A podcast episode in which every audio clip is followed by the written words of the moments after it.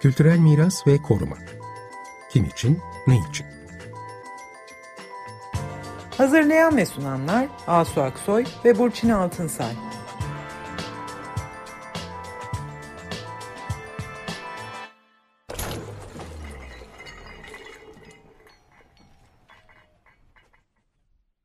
Merhabalar, ben Asu Aksoy. Merhabalar, iyi akşamlar. Ben Burçin Altınsay. Biz geçen programımızdan devamla bugün Derya Nüket Özer'i konuk ediyoruz. Kendisinin e, yayınladığı ya da bizlere yolladığı bir e, mektuptaki görüşlerini, gözlemlerini ben bir kısmını aktarmıştık. Ee, yine orman yangınlarını konuşacağız. Bu arada geçtiğimiz hafta Karadeniz bölgesinde de çok büyük seller yaşandı. Sel felaketiyle karşılaştık. Orada da etkilenen herkese geçmiş olsun diyoruz. Bu konuyu da geleceğimiz konulardan biri. Derya e, yangınlar sırasında Manavgat'taydı. Derya zaten oralı, o bölgeden, İbradılı. Kendi memleketi yani oralar ve o sırada yangınlar olurken e, gözlediklerini bizlere duyurdu. Derya sanat tarihçisi. Yıllarca Yapı dergisinde, Kültür ve Mimarlık dergisinde editörlük ve yazarlık yaptı. Haber sayfalarının editörlüğünü yaptı. Dolayısıyla kentsel e, sorunlarla oldukça haşır neşir oldu. Sulu Kule platformunun kurucusu ve Sulu Kule'nin korunması mücadelesinde çok emekleri var. Yıllarca orada da çalıştı. Halen de İzmir'de Yaşar Üniversitesi İç Mimarlık bölümünde yarı zamanlı öğretim görevlisi olarak çalışıyor. Hoş geldin Derya. Merhaba, hoş bulduk. Uzun seneler sonra Derya tekrar bir aradayız radyoda. Ne güzel, hoş geldin. Mersi. Evet, özlemişim sizleri. Yangınlar Manavgat'ta başlamıştı ve sen de tam da oradaydın hakikaten. Bu yangınlar, işte bugün yaşadığımız seller, Bunlar aslında kültür mirası dediğimiz aslında birazdan konuşacağız. Çok e, silip süpüren e, çok büyük afetler, insanlar bir taraftan tabii ki canlılar, bir taraftan e, işte ölümler, yaşanan bütün bu felaket ama bir taraftan da tabii e, işte bu kültür mirası dediğimiz varlıklar, değerler, yaşam tarzları, onlara ilişkin bilgiler, yapılar, arkeolojik alanlar falan onlar da tabii ki çok şeye açıklar, tahribe açıklar. Sen alanda nasıl yaşadın bu süreci? Aslında oradan başlayalım istedik bir. Çünkü hı hı. tam da de, merkezindeydin hakikaten. Nasıl evet, oldu, nereden e, duydun? Yani çok kötü bir 10 gün yaşadık. Bu arada ben öncelikle e, bu afetlerde e, hayatlarını kaybedenleri anmak istiyorum. E, yakınlarına başsağlığı ve sabır diliyorum, tahammül gücü diliyorum. E, çok büyük kayıplar e, bunlar. Ben o gün, e, o gün kötü bir gündü. E, aslında internetten, basından falan Manavgat'ta bir yangın başladı diye duy, okudum. Tepemizden de helikopterler e, dolaşmaya başladı. Bu arada ben Manavgat'a 20 kilometre kadar mesafede sahildeyim ama o gün bizim e, Sulukule platformunun avukatı Hilal'i de kaybettiğimiz, Hilal Küve'yi de kaybettiğimiz bir gündü. Dolayısıyla yangınla da başlangıçta çok ilgilenemedim. Bir de bu tür yangınlar hani deyim yerindeyse burası için alışılmış şeyler.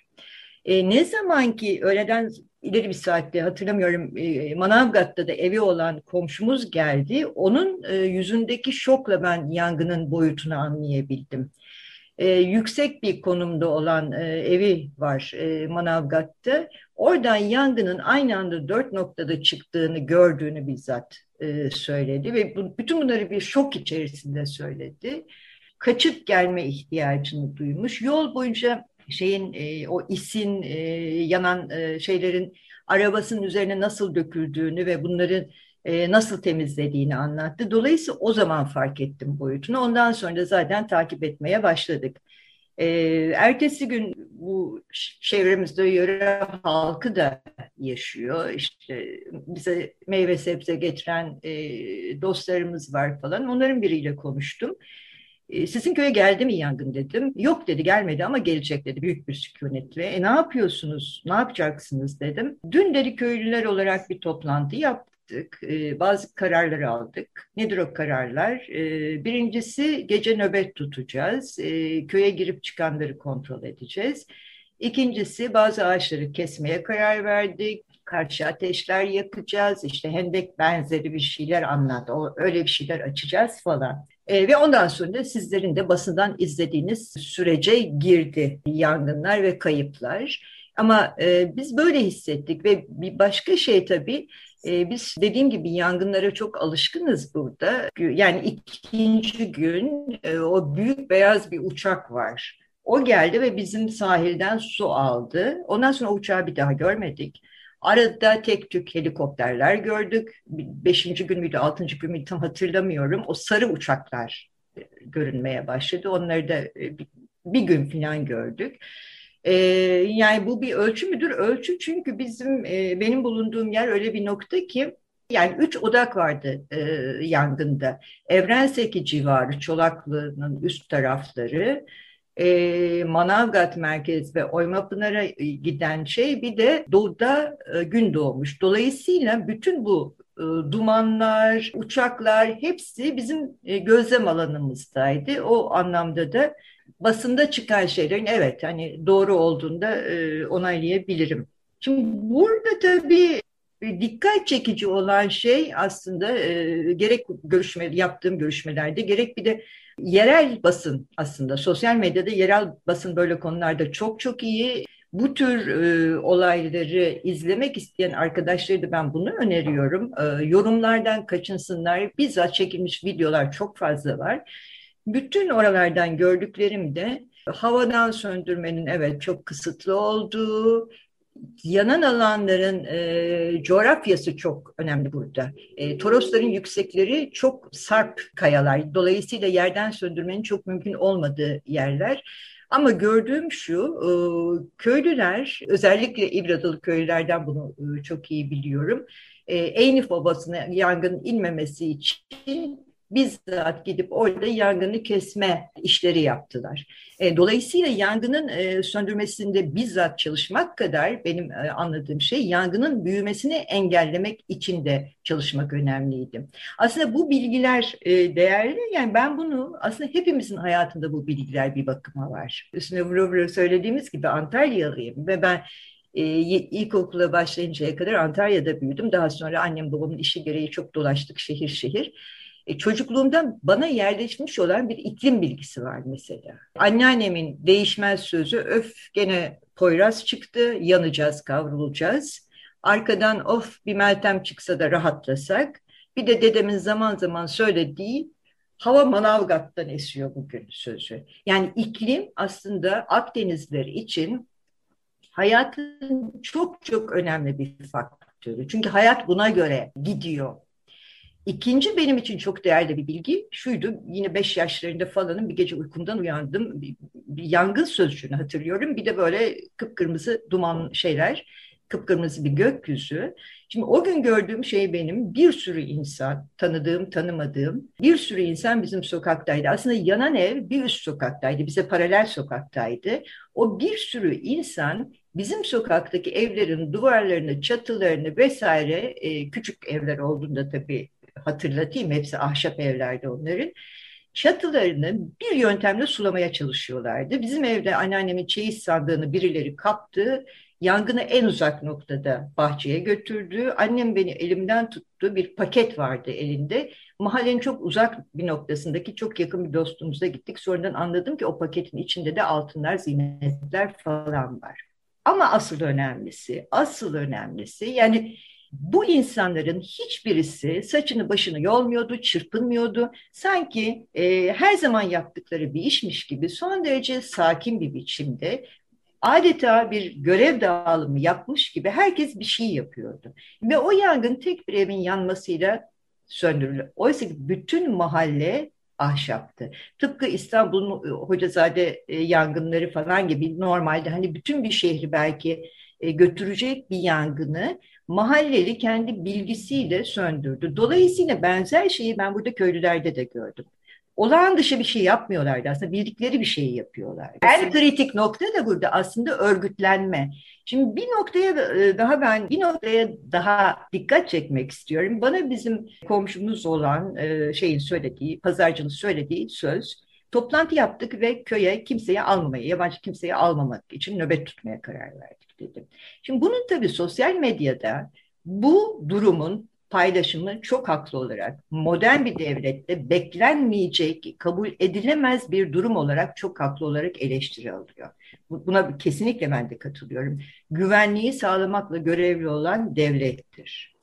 Ama yangın çıktığı anda benim aklıma arazi mafyasının e, ormanları yaktığı geldi. Başka insanların aklına X, Y, Z herhangi bir örgütün bu işi yapacağı geldi. Yani hiçbirimiz masum bir yangın olduğunu bunun düşünmedik. Faili olan bir yangın olduğunu düşündük. Yine bu köylülerin bilgi dağarcığında şu var. Örneğin eşkıyalara karşı köyünü savunmak için nöbet tutma bilgisi de var. Yani bir tehlike var. Bir fail var ama o fail bilinmiyor. Dolayısıyla bir koruma şeyi. Bu da örgütlenmenin bir parçası. Burada elbette ki çok çok yanlış, çok hukuk dışı, çok riskli bir durum var ama burada da sorun yine afet yönetimini planlamakla sorumlu olan kurumlarda diye düşünüyorum ben. Sen bunu söylemiştin daha önce de ve sen şimdi de diyorsun ki yani oradaki insanlar bu yangına hazırlıklı tanıyorlar, tedbir almasını da e, biliyorlar, e, sonra baş etmesini de biliyorlar. Ama galiba burada önemli olan onlarla işbirliği yapılmıyor. Evet. Ve bu risk evet. kriz anını yönetmekle sorumlu olanlar e, sonuçlarına da baktığımızda hani çok iyi yönetemediklerini sanki gözlüyoruz. Burada da en önemli eksiklerden biri bu yerel e, bilgiyle iletişimi kurmamak, bağlantıyı kurmamak. Dolayısıyla insanlar da söylediğin gibi ister istemez tabii inisiyatifi ellerine alıyorlar. Halbuki bu birlikte üretilse, kriz e, ortamı birlikte yönetilse e, çok daha iyi olur. Bu değerli bilgilerin kaybedilmemesi lazım bir yandan da. Geçen hafta da Zeynep Gülünal'la konuşmuştuk bu risk yönetimi konusunda. Bu İKOMOS'un bazı eğitimler e, yaptığını işte yerli Avustralya'da aborijinlerle birlikte eğitimler yaptığını söylemişti ve bunun benzerini şimdi e, senin de kuracağın bağlantılarla bu bölge için İKORP Türkiye böyle bir proje yapacak galiba. Bu yerel bilgiyi de e, risk yönetimine evet. katmak için değil mi? Evet ben e, geçen programımızı dinledikten sonra Zeynep Hanım aradı beni ve İbradı Belediye Başkanı ile konuştum bu konuyla ilgili. O da e, bu şeyden bu fikirden çok mutluluk duyduğunu söyledi ve canı gönülden yardımcı olacağını söyledi. Yapılacak yani e, iyi de olacak. Tabii bu arada dikkat bilmiyorum sizin başka sorularınız var mı ama ben bir de orman köyleri meselesine de biraz dikkat çekmek istiyorum. Çünkü orman köyü kavramı önemli bir kavramdı ormanların devamlılığı ve korunması açısından ama orman köyü kavramı aslında yine tanzimatla birlikte gündeme gelen bir şey ve daha çok mülkiyet bazlı bir şey. Yani orman gelirleri köylüye mi ait olacak, devlete mi ait olacak gibi bir mülkiyet meselesi olarak kurum, kurumsallaşıyor devlet, orman ve vatandaş ilişkisi. Cumhuriyet Türkiye'sinde de Orman Bakanlığı en e, köklü kurumlardan, en önemli kurumlardan biri olarak varlığını sürdürdü. Bizim çocukluğumuzda da bu böyleydi. Orman çok büyük bir değer olarak öğretilmişti bize. Ve e, orman köyleri yine devletin ilişkisi orman köylülerinin e, ormandan yararlanma ilişkisi biçiminde hep örgütlenmiş ve şey yapılmış. Ama mevzuat ne olursa olsun sonuçta ormanda yaşayan insanlar vardı. E, bunlar belli kurallarla ormanla ilişkileri e, kurulmuş olan insanlardı belli kurallara göre Dolayısıyla da ormanın doğal koruyucusuydulardı. Orman cezaları da her zaman Türkiye'de çok ağır olmuştur. Yani ağaç kesmenin cezası çok ağırdır. Bu anlamda da orman köyleri bayağı sıkıntı da yaşamıştır. Orman köyleri aynı zamanda ormanı kesemedikleri ve ormanı istedikleri gibi kullanamadıkları için de çok sıkıntılı bir topluluk olarak hep var olmuştur. Ama sonuçta ormanlar bir şekilde koruna geldi ne zaman ki işte bizim kendi tarihimizden de bizlerin iyi bildiği 2B meseleleri yani ormanlık vasfını yitirmiş alanlar meselesi gündeme geldi. Ormanlar yanmaya başladı. Orman köyleri orman köyü olma vasıflarını bir anlamda kaybettiler. E, köylerden kentlere büyük e, bir akış var, genç nüfus akışı var. Bu şekilde genç nüfus kayboldu. En son çıkan e, yasayla da zaten köyler kalktı. Onlar şehirlerin mahallesi oldu ve başka tür bir belediye ve imar ilişkileri başladı.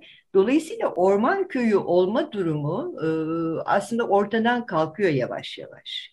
Oysa ki bu bilgi orman köyünün içinde orman e, ormanın ve insanın işbirliğiyle ortaya çıkan bilgi. Hani bir şeyleri koruyalım dediğimizde de bu bilgiyi koruyalım. Ama bunu koruyabilmek için bizim soyut miras konusunda, e, soyut miras konvansiyonunun da sözleşmesinde ben hep sorunları olduğunu düşünüyorum. Bu meselede çokça tartışılıyor bildiğim kadarıyla.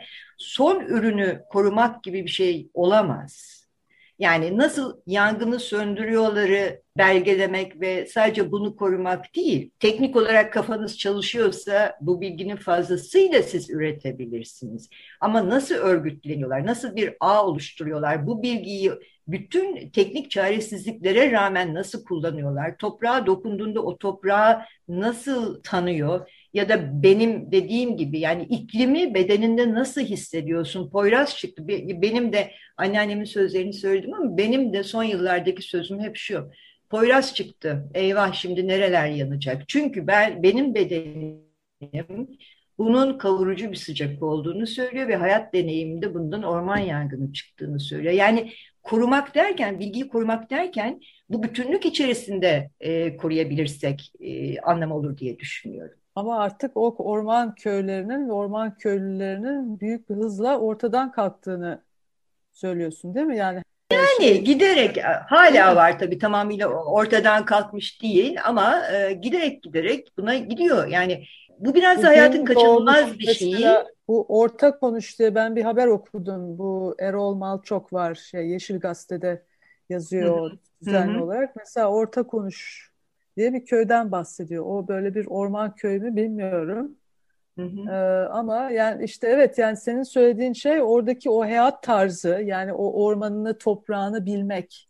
Onun bütün e, hı hı. şeyini mevsimlerini hayvanlarını filan hepsini bilmek. Hepsi nereden nereye gidiyor ne oluyor filan. Yani bu bilgiyi aslında işte bir afet yönetimi olarak Değil mi? Önden evet, sezmek. Evet, ee, evet. Yani iklim krizi dediğimiz artık çok daha kırılganlaşan mevsimlerin değişimi vesaire. Ee, yani bu, bu, bu nedenle bu bilginin desteklenmesi gerekiyor artık bir de üstüne Aynen. üstelik. Ama biz Aynen. bu bilginin tamamen yok olmasından bahsediyoruz. Dehşetli bir durum yani. aslında. Planlama de, kararlarının tabii yerinden kopması, tepeden inme kararlar evet. alınması, evet. coğrafyasından kopması. Mesela sen işte Poyraz'ın sıcak getirdiğini söylüyorsun. Başka bir yörede Poyraz e, e soğuk getirir. E, evet tabii ya, tabii. E, aynı Poyraz aslında ama tabii. orada başka türlü bir şey hayata etki eder. Orada e, sizin orada başka türlü ediyor. E, bu yani planlar, bu tepede, yerleşim evet. yerleri, turizmin yönlendirilişi hepsi biraz oraya ait değerleri öncelemeyen şekilde yapılıyor. Dolayısıyla da bu değerler e, kayboluyor. Ee, evet. Bunların e, kıymeti bilinmiyor. Evet. Belki orada yaşayanlar tarafından da başka e, e, yönlere hevesler gelişiyor ve onlar da belki vazgeçiyorlar. E, ama bu da çok doğal. Çünkü orman köylüsü olmak gerçekten hiç kolay değildir. Yani bir sürü kısıtlama var, pek çok kısıtlama var ekonomik sorunlar var, zor bir coğrafya içerisinde yaşama zorunluluğu var. Yani ormandan kestiğiniz her ağacın hesabını vermek zorundasınız bir orman köylüsü olarak. E, bu hayat hiç kolay değil. Hani bir de eğitim görüyorsanız gençlerin hani eğitim görmesi vesaire durumunda e, niye orada kalasınız? Bu, bu hayatın akışıyla da aslında bir şey. Yani dolayısıyla belki de bilmiyorum şimdi böyle e, düşünüyorum da sadece orman köyü değil, hepimiz kendi hayatımıza bir orman köylüsüymüşüz gibi yeniden bakmak zorundayız belki. Hayatımızın her alanına, değil mi? Aynen. Her dokunduğumuz alana. Aynen. Evet. Yani sel haberlerini gördüğümde de yani o tomrukların o köprüyü tıkayacağını ben bile biliyorum köyde yaşamadığım halde. Bu iki kere iki dört. Elimizde başka şeyler var. Örneğin e, sel haberleriyle birlikte bu bizim tarihi kemer biçimli köprü fotoğrafları e, dolaşmaya başladı. Yani kemer çok ideal bir form. Hem debi değişimine karşı bir esnekliği var kemerin. Hem kolay kolay tıkanmaz. Hani e, tıkanır o da tabii ama hani daha şey tıkanır herhangi bir engelle bir şeyle karşılaştığında. Bir de kemer strüktür olarak çok güçlü bir strüktür. Çok büyük avantajları var. E, yöresel fikri. Yani, ya da e, işte geleneksel yapım teknikleri diye korumaya çalıştığımız şeyler de aslında işte hep bir e, nasıl diyeyim ra, bir rasyonel üzerine inşa edilmiş şeyler. Yerelin bilgisi bir kere yani orada güzel var. olsun diye olmasından evet. önce tabii bir zorunluluk Romalı için o ve orada bulduğu Romalı... malzemeyle yapılmıştır. Yerinden malzemeyle yapılmıştır. Yani onun bir e, mantığı ve e, bilgeliği var aslında bütün o mimarinin. Yani şimdi anlıyoruz kemer aniye yüksekmiş. E bir sebebi evet. var. Her yerdeki köprülerde yüksek kemerli değil mesela. Onu da Tabii. bakmak lazım. Evet. Yani benim koruyalım derken o korumayı koruduğumuz aslında nesne, koruduğumuz nesne bir bilgi içeriyor. O bilgiyi içselleştirirsek korumanın bir anlamı var. Yani. Kesinlikle ancak o zaman sürebilir bunlar. Evet, işte bu yolunu bulmamız lazım. Bir de ilerleme yeni fikri bir de yani yani bu ilerliyoruz. Dolayısıyla yeni şeyler, bilgiler eskiyi hep yeniyor. Yani hani ya ilerlediğimiz için yeni edindiğimiz bilgilerin daha iyi olduğunu düşünüyoruz. Oysa ki bu köprü mesela çok iyi bir şey oldu, örnek oldu. Hani eskiyi de hani estetik değerleriyle koruyalım gibi bir noktadayız değil mi? Aslında böyle değil. Ya eskinin o bilgisi neymiş, onun önemi neymiş, neden böyleymiş bunlara dönüp bakmamız gerekiyor gerçekten. Eskide zaten or hiçbir şey sadece e, estetik değeriyle konmaz yapının üstüne. Mutlaka onun bir ikinci bir işlevi vardır ve onu süsler süslerler. Ama esasında dediğim gibi yani belki bu kadar soyutlaşmayan değerlerle üretilmiş olduğu için şimdi onu kaybediyoruz. Derya şimdi sen yani bu Manavgat'ta nasıl bir bundan sonrası çok kısaca yani böyle bir bundan sonra afetlere hazırlık anlamında nasıl bir şey görüyorsun, bir derlenme, toparlanma, özellikle sivil toplum anlamında?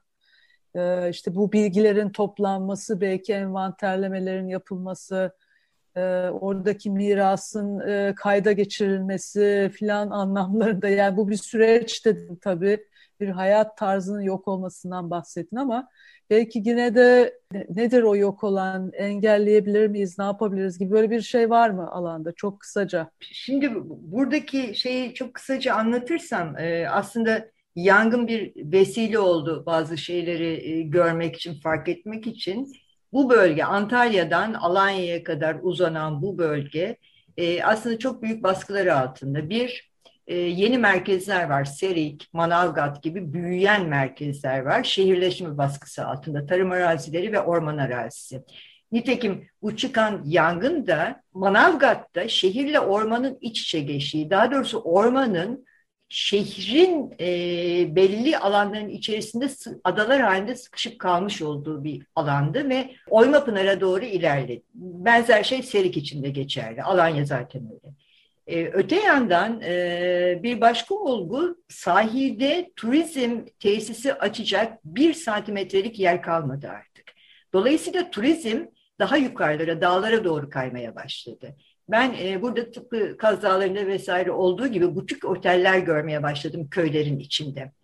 E, bu hem köy açısından bir e, soydulaştırma meselesi hem de turizmin oralara doğru gittiğinin göstergesi. E, üçüncü bir risk elbette taş ocakları. Özellikle Oyma Pınar çevresindeki yanan o devasa alan gerek e, yayla turizmi, dağ turizmi için çok büyük bir boşluk yarattı. Gerekse taş ocağı maden işleri için çok büyük bir boşluk yarattı. Bir başka baskı yine geliyor. Pandemiyle birlikte geldi bu. Ee, İzmir'de de olduğu gibi yazlıkçılar kışın da buralarda kaldılar. Ve yazlık evlerin artık 12 aylık kullanımı gibi bir trende giriliyor.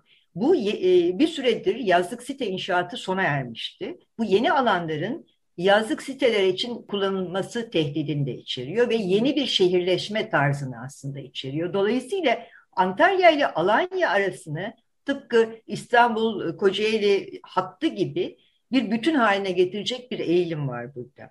Bir başka önemli şey e, bu bölge yine Türkiye tarımı açısından çok çok önemli bir bölge. Tarım üretiminin çoğu da ihraç ediliyor. Eskiden sadece domates seraları falan vardı artık muz seraları var. Dolayısıyla ve küçük e, üreticiler değil büyük çaplı tarım şirketleri devreye girmeye başladı. Dolayısıyla bu alanların böyle bir tarım e, alanı olma e, tehdidi de var. Bütün bunlar evet aslında çok kırılganlaştırıyor dolayısıyla ormanları. Bunu söylemeye çalışıyorsun. Evet. evet çok üzerinde duramıyoruz artık bu programımızda ama tekrar seninle buluşup belki... Tek bir cümle, tek bir cümle söylemek istiyorum. Ben ormanı korumak değil, ekosistemi korumak sözcüğünden yanayım. E, bu vurgudan yanayım. Orman sadece o işin başat unsuru ama sadece orman ya da ağaç değil meselemiz. Bütün bir ekosistem, içinde insanın da olduğu ekosistem. Çok teşekkürler. Ben çok teşekkür koruma. ediyorum. Sizleri görmek, sizleri evet. duymak iyiydi. İyi akşamlar, İyi akşamlar herkese. İyi akşamlar, kolaylıklar. Kültürel miras ve koruma. Kim için, ne için? Hazırlayan ve sunanlar Asu Aksoy ve Burçin Altınsay.